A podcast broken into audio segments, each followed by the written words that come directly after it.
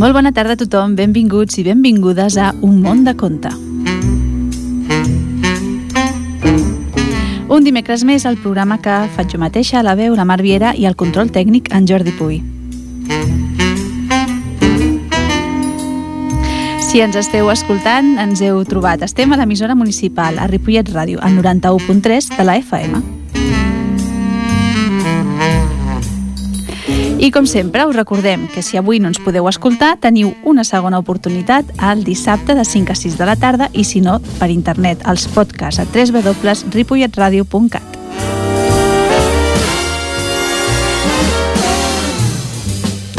I per aquesta tarda de dimecres, que comença, va ser una mica plujós, estava plovisquejant una miqueta, us portem, recuperem contes d'un autor molt conegut, del Hans Christian Andersen, i els títols són els següents.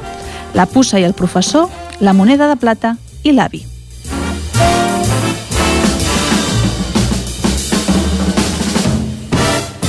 Aquests contes que potser no són dels més coneguts del Hans Christian Andersen, però que sí que estan dintre del seu recopilatori. I avui, a la part musical, els Mecano.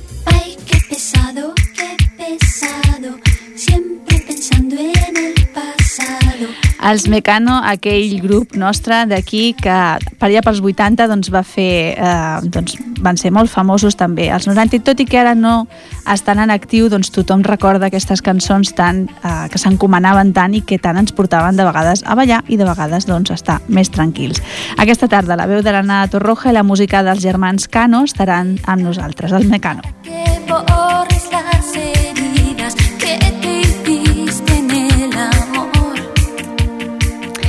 I bé, abans de començar amb aquestes històries que us comentava abans, avui vull parlar d'alguna cosa que tothom, almenys a la nit, quan mira per la finestra, la veu i que a més a més doncs, té aquest toc misteriós no? i que com que va canviant doncs, sempre s'intenta buscar alguna, eh, algun significat a aquests canvis, alguna interpretació. Estic parlant de la Lluna. Sí, avui parlarem de la Lluna, d'aquest satèl·lit que el tenim sempre eh, aquí observant-nos i que, bé, mm, espero que puguem conèixer alguna coseta més d'ella.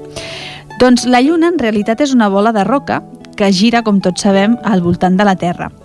Aparentment la veiem tan gran com el Sol, però això és perquè la tenim molt a prop. En realitat, la veritat és que és molt petita, unes 50 vegades menor que la Terra en volum.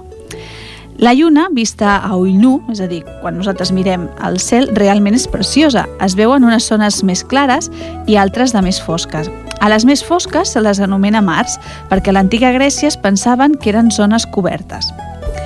El millor moment per observar la lluna és durant el quart creixent, eh? això eh, el que us comentava abans, el tema de les fases lunars, i els 4 o 5 dies següents de, de que comenci el quart creixent.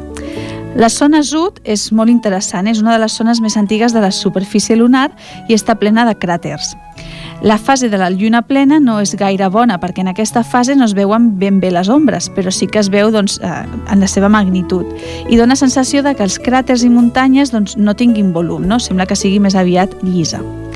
De les fases de la Lluna, doncs això, la Lluna nova. No veiem la Lluna perquè el cantó que mira cap a nosaltres no està il·luminat. En els dies següents anirà apareixent una petita franja il·luminada a la dreta que dia a dia s'anirà fent més gran. Quart creixent, això que diuen, no? que quan t'has de tallar el cabell perquè et creixi de més ràpid, doncs te l'has de tallar en quart creixent. Només té il·luminada la meitat dreta i ti- tindria una forma similar a la lletra D. Cada dia que passa, el tros il·luminat és més gran. La lluna plena, que és tot el disc lunar, eh, quan, quan tot el disc lunar està il·luminat, i després d'això començaran a aparèixer ombres pel cantó de la dreta i cada dia el tros il·luminat anirà decreixent. I el quart minvant, que tan sols està il·luminada la meitat esquerra, en aquest cas tindria forma de la lletra C. I cada dia que passa, el tros il·luminat s'anirà fent més petit, fins que tornarem a estar en la fase de lluna nova. Com sabeu, doncs, la Lluna és la responsable d'alguns fenòmens, hi ha d'altres que li atribueixen aquest toc misteriós i de què coses comencen a passar quan hi ha la Lluna plena. Bé, nosaltres el que hem intentat és conèixer una miqueta més de la Lluna i potser fer-la una miqueta més propera.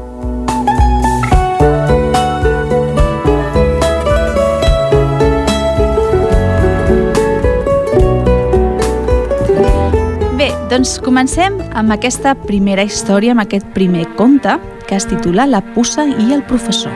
Diu així.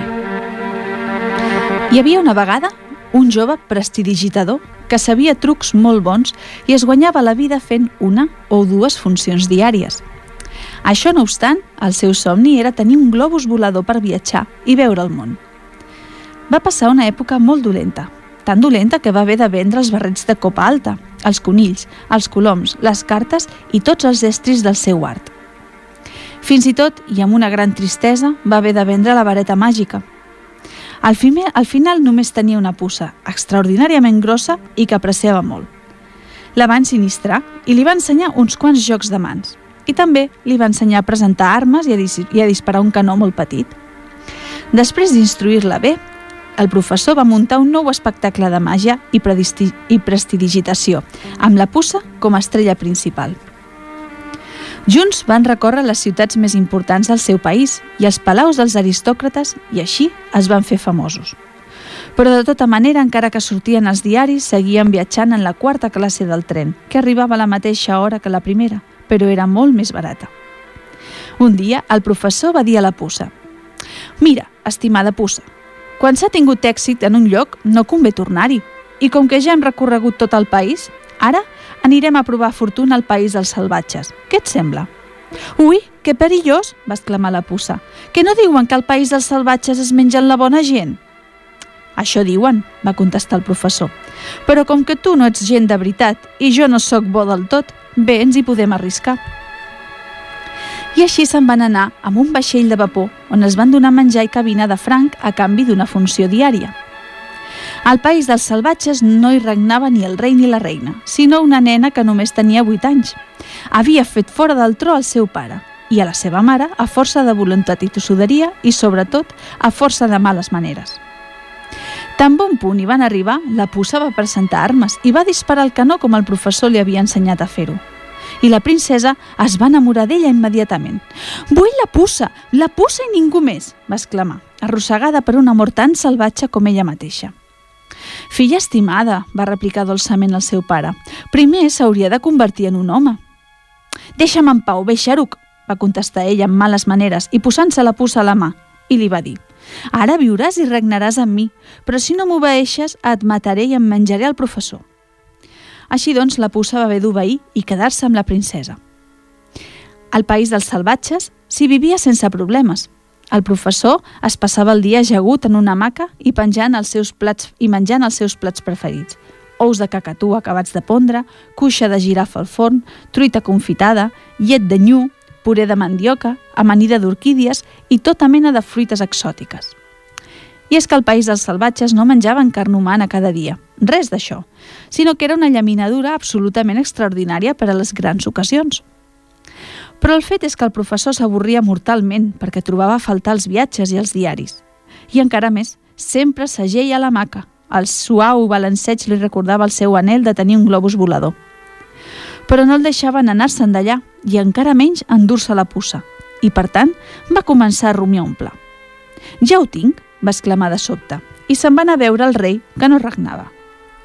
Senyor pare de la princesa, què us semblaria si ensenyés als habitants d'aquest país el que per allà anomenen civilització? I què ensenyaràs? va preguntar el rei que no regnava. L'art que domino més bé, va contestar el professor. L'art de disparar un canó, va dir, encara que això no era del tot veritat. Penseu, senyor, pare de la princesa, que quan es dispara un canó s'esdevé un estrèpit tan fort que tota la terra tremola i del cel plouen els ocells més saborosos ja cuits al punt. Hem vist la puça disparant el seu canó, va contestar el rei que no regnava, i francament no n'hi ha per tant. Ja ho sé, però és que jo em refereixo a un canó de veritat, a un de gros de mida natural. El de la puça és de joguina. D'acord, doncs, va dir el rei que no regnava. Què necessites? Una peça de seda, un cistell gros, corda, fil i agulla. Ah, i també un licor estomacal, que causa un gran estrèpit a l'estómac del canó. El rei no sabia amb què es feien els canons perquè només havia vist el de la puça i tampoc no havia vist mai un globus i per tant s'ho va creure tot. No es va donar de la intenció del professor i li va proporcionar el que necessitava. El professor es va tancar a treballar febrosament i quan ho va tenir tot preparat per inflar el globus i elevar-lo, tot el poble es va reunir a la plaça per veure-ho. Allà hi havia el globus ja inflat fins dalt de tot amb l'aire calent que desprenia el licor estomacal en cremar-se. perquè sense aire calent el globus no vola. Feia unes estirades i unes sacsejades que semblava que volia elevar-se tot sol. El professor ho tenia tot a punt, però li faltava la puça i no se'n volia anar sense ella. Mentrestant, la puça l'observava ansiosament des de la mà de la princesa, però ella la tenia ben lligada, a la seva arracada de corall amb un cabell, i la pobra puça no podia fer res. Després de rumiar una mica, al professor se li va acudir una estratagema per recuperar la puça i va dir Ara haig de fer flotar el globus, vull dir el canó, en l'aire, perquè es refredi. Però necessito ajuda per manejar totes les cordes, i això només ho sap fer la puça. Me la deixeu un moment, princesa? Tots li van sentir dir la paraula globus, però com que ningú no sabia què era un globus ni quina utilitat tenia, es van quedar tan tranquils. No em fa gens de gràcia deixar-te-la, va dir ell amb molt de recel, però si només és un moment... D'acord. I llavors va deslligar la puça i la va posar a la mà del professor. Amullem les amarres, va dir ell. Endavant tots dos però tothom es va pensar que deia refredem el canó i es va quedar mirant el globus com pujava cada vegada més amunt fins que es va perdre de vista i es van quedar molt de temps esperant que tornés fins que es van oblidar de que esperaven. I a partir d'aleshores, la puça i el professor van ser molt feliços, perquè finalment van poder recórrer el món amb globus i, a més, es van seguir guanyant molt bé la vida amb el seu espectacle de màgia i prestidigitació. Música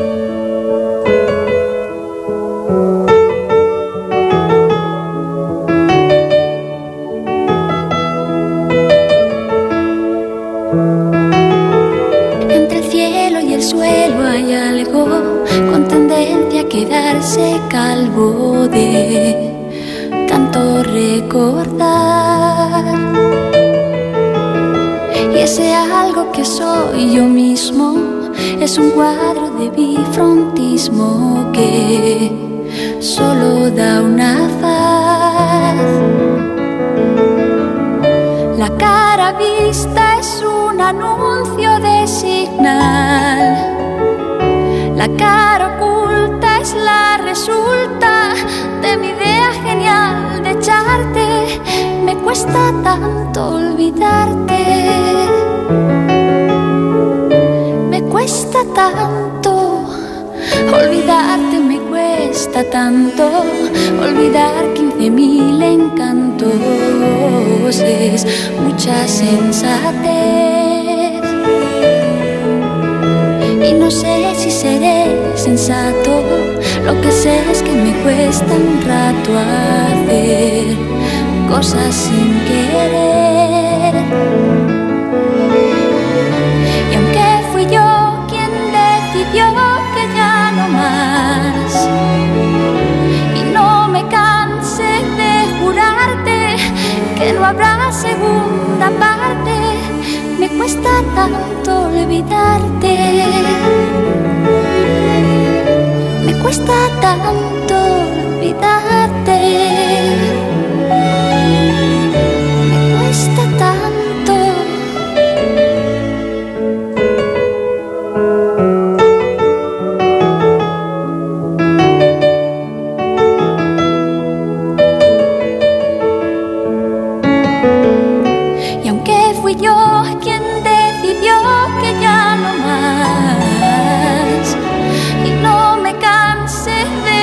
parte, che non avrà seconda parte, ma questa tanto evitarte. Ma questa tanto evitarte.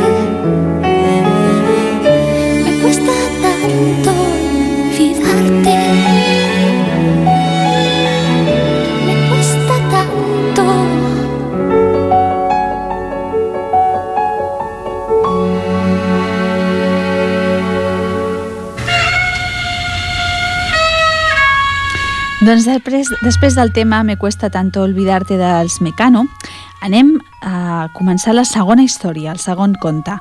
Es titula La moneda de plata i comença així. Hi havia una vegada una moneda de plata acabada de cunyar que va sortir rodant al món, molt contenta. «Que bé!» va exclamar. «Soc una bona moneda de plata, amb un encuny autèntic i de veritable valor, i ara coneixeré el món». I així va ser. Perquè va passar per moltes mans. Els nens l'agafaven amb les mans calentes, els avars amb les mans fredes i els ancians la feien giravoltar molt abans de donar-la, mentre que els joves la canviaven de seguida per una altra cosa. Un bon dia, un viatger que se n'anava a l'estranger se la va endur en el moneder sense adonar-se'n. Caram, va dir el viatger, el viatger en veure-la, ja que t'has quedat aquí, vindràs amb mi de viatge. I així la moneda va sortir del seu país cap a l'ample món. Va conèixer altres monedes que queien al moneder. Unes deien que eren franceses, d'altres italianes i d'altres portugueses, i totes li semblaven magnífiques.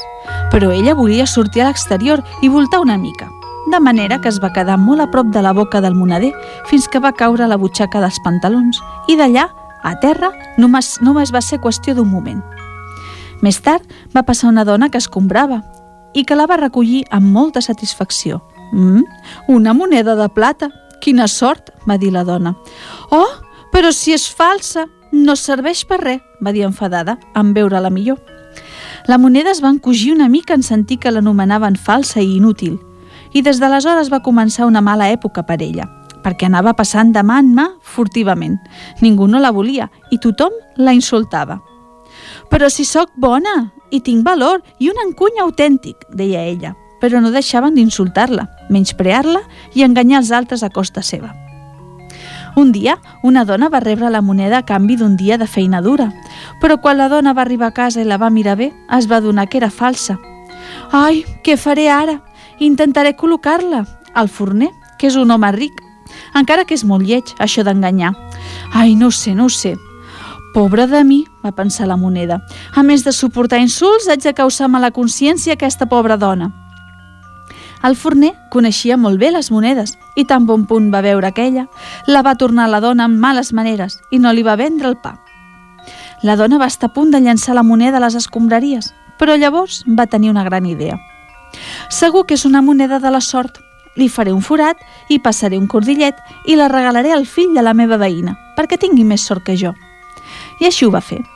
A la moneda li va saber greu que la foradessin, però ho va suportar perquè era per una bona causa i així va passar tot un dia sobre el pit càlid d'un nen que la caronava i la besava com si fos una medalla. Però la cosa no va acabar aquí, res d'això, perquè l'endemà la mare del nen va tenir una altra idea. Va tallar el cordill, va posar la moneda en vinagre fins que es va tornar verda, va omplir el forat amb massilla i després la va fregar una mica, de manera que semblava una moneda vella qualsevol i la va fer servir per anar a comprar un bitllet de loteria per veure si de veritat era una moneda de la sort. Al quios de loteria tothom tenia molta pressa i per això l'home que cobrava no s'hi va fixar i va deixar la moneda en un calaix amb moltes altres. La moneda mai no va saber si realment havia dut la sort al nen i la seva mare, però el que sí que va saber és que de seguida van veure que era falsa i els insults van tornar a començar. I va seguir passant el temps fins que un dia es va trobar a les mans d'un home que la va mirar amb curiositat. Vaja, vaja, però si és una moneda del meu país i d'autèntica plata, però li han fet un forat com si fos falsa. La moneda no es podia creure el que sentia. L'havien anomenat bona finalment. M'alegro de trobar-te, va dir l'home. Segur que ets la mateixa que vaig perdre al començament del meu viatge. Bé, doncs ara tornaràs al lloc on vas néixer. La moneda gairebé deixava anar espurnes de l'alegria en sentir que tornaria al seu país, però com que les monedes no deixen anar espurnes, es va conformar a brillar alegrement. El viatger la va embolicar amb un fi paper de seda per no perdre-la ni pagar amb ella per equivocació. Però de vegades l'ensenyava, explicava com havia sortit del seu país duent-la, l'havia perduda i l'havia tornat a trobar. I tothom deia que era una moneda molt interessant.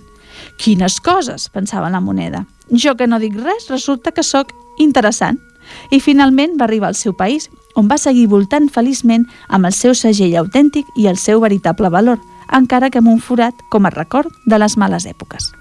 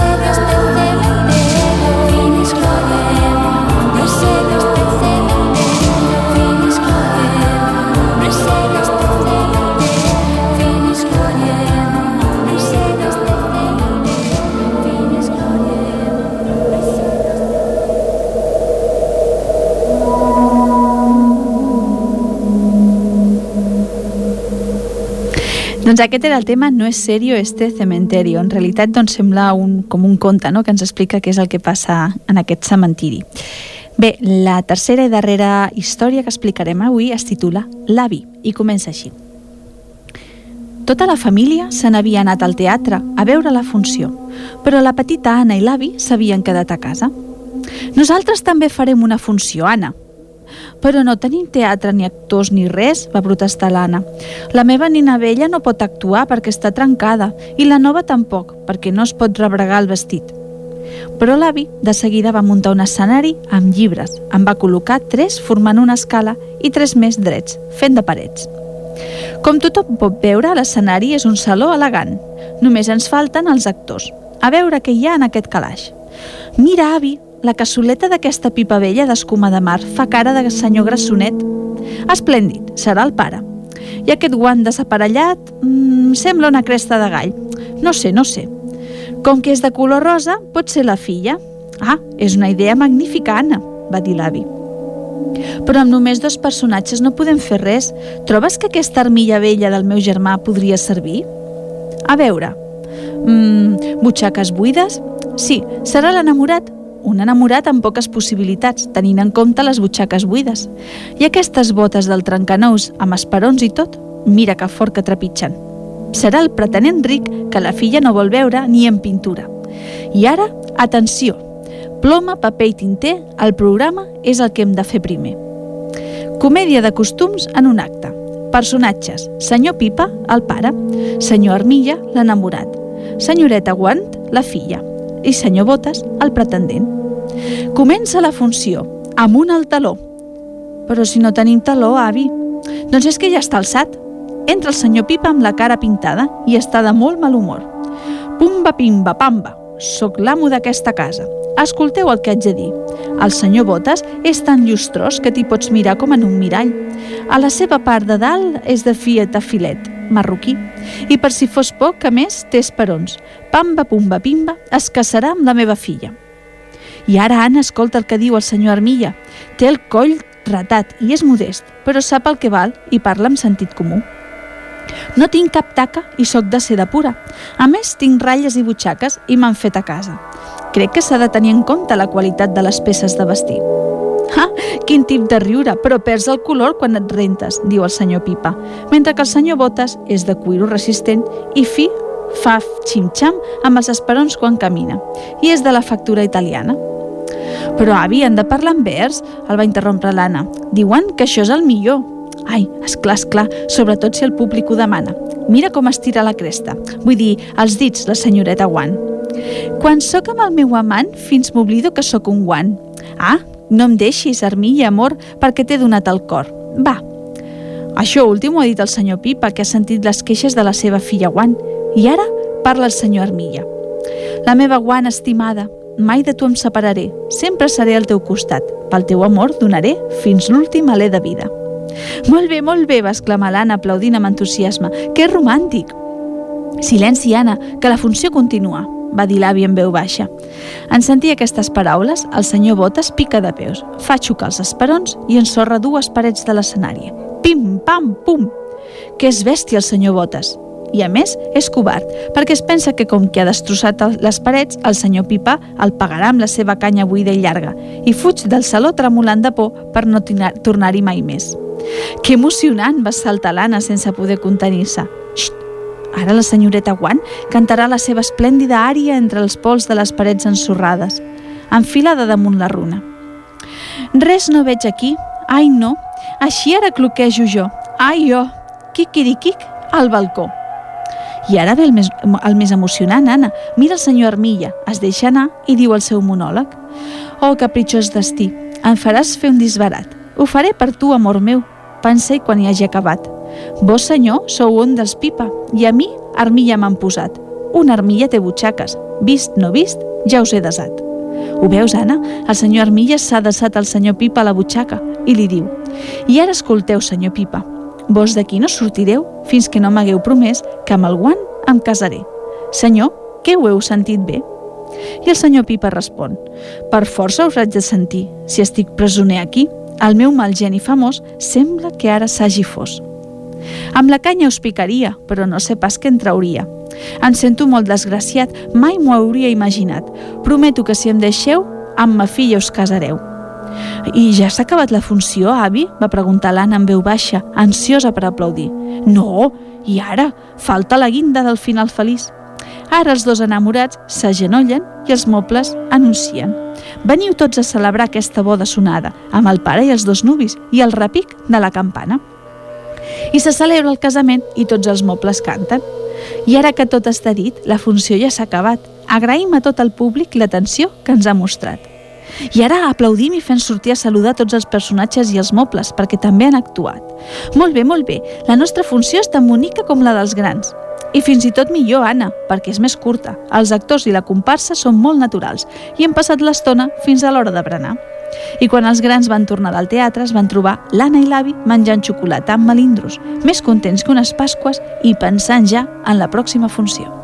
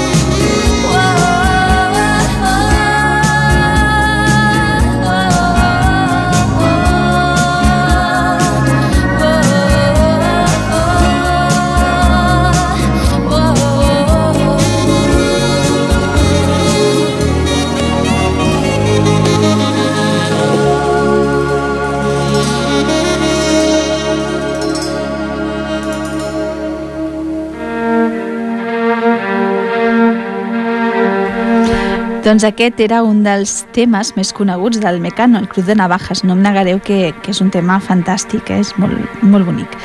Com sempre, m'agrada citar la font de la que he agafat les històries que he portat al programa. En aquest cas, eh, ho he agafat d'un llibre de la Biblioteca de Ripollet que es titula Els millors contes de Hans Christian Andersen i que són l'adaptació d'una filòloga, la Concha Cardeñoso, i que té il·lustracions de la Liora Grossman, que és una pintora doncs, que dibuixa sempre amb llapis de colors i té uns, unes, uns dibuixos doncs, molt macos.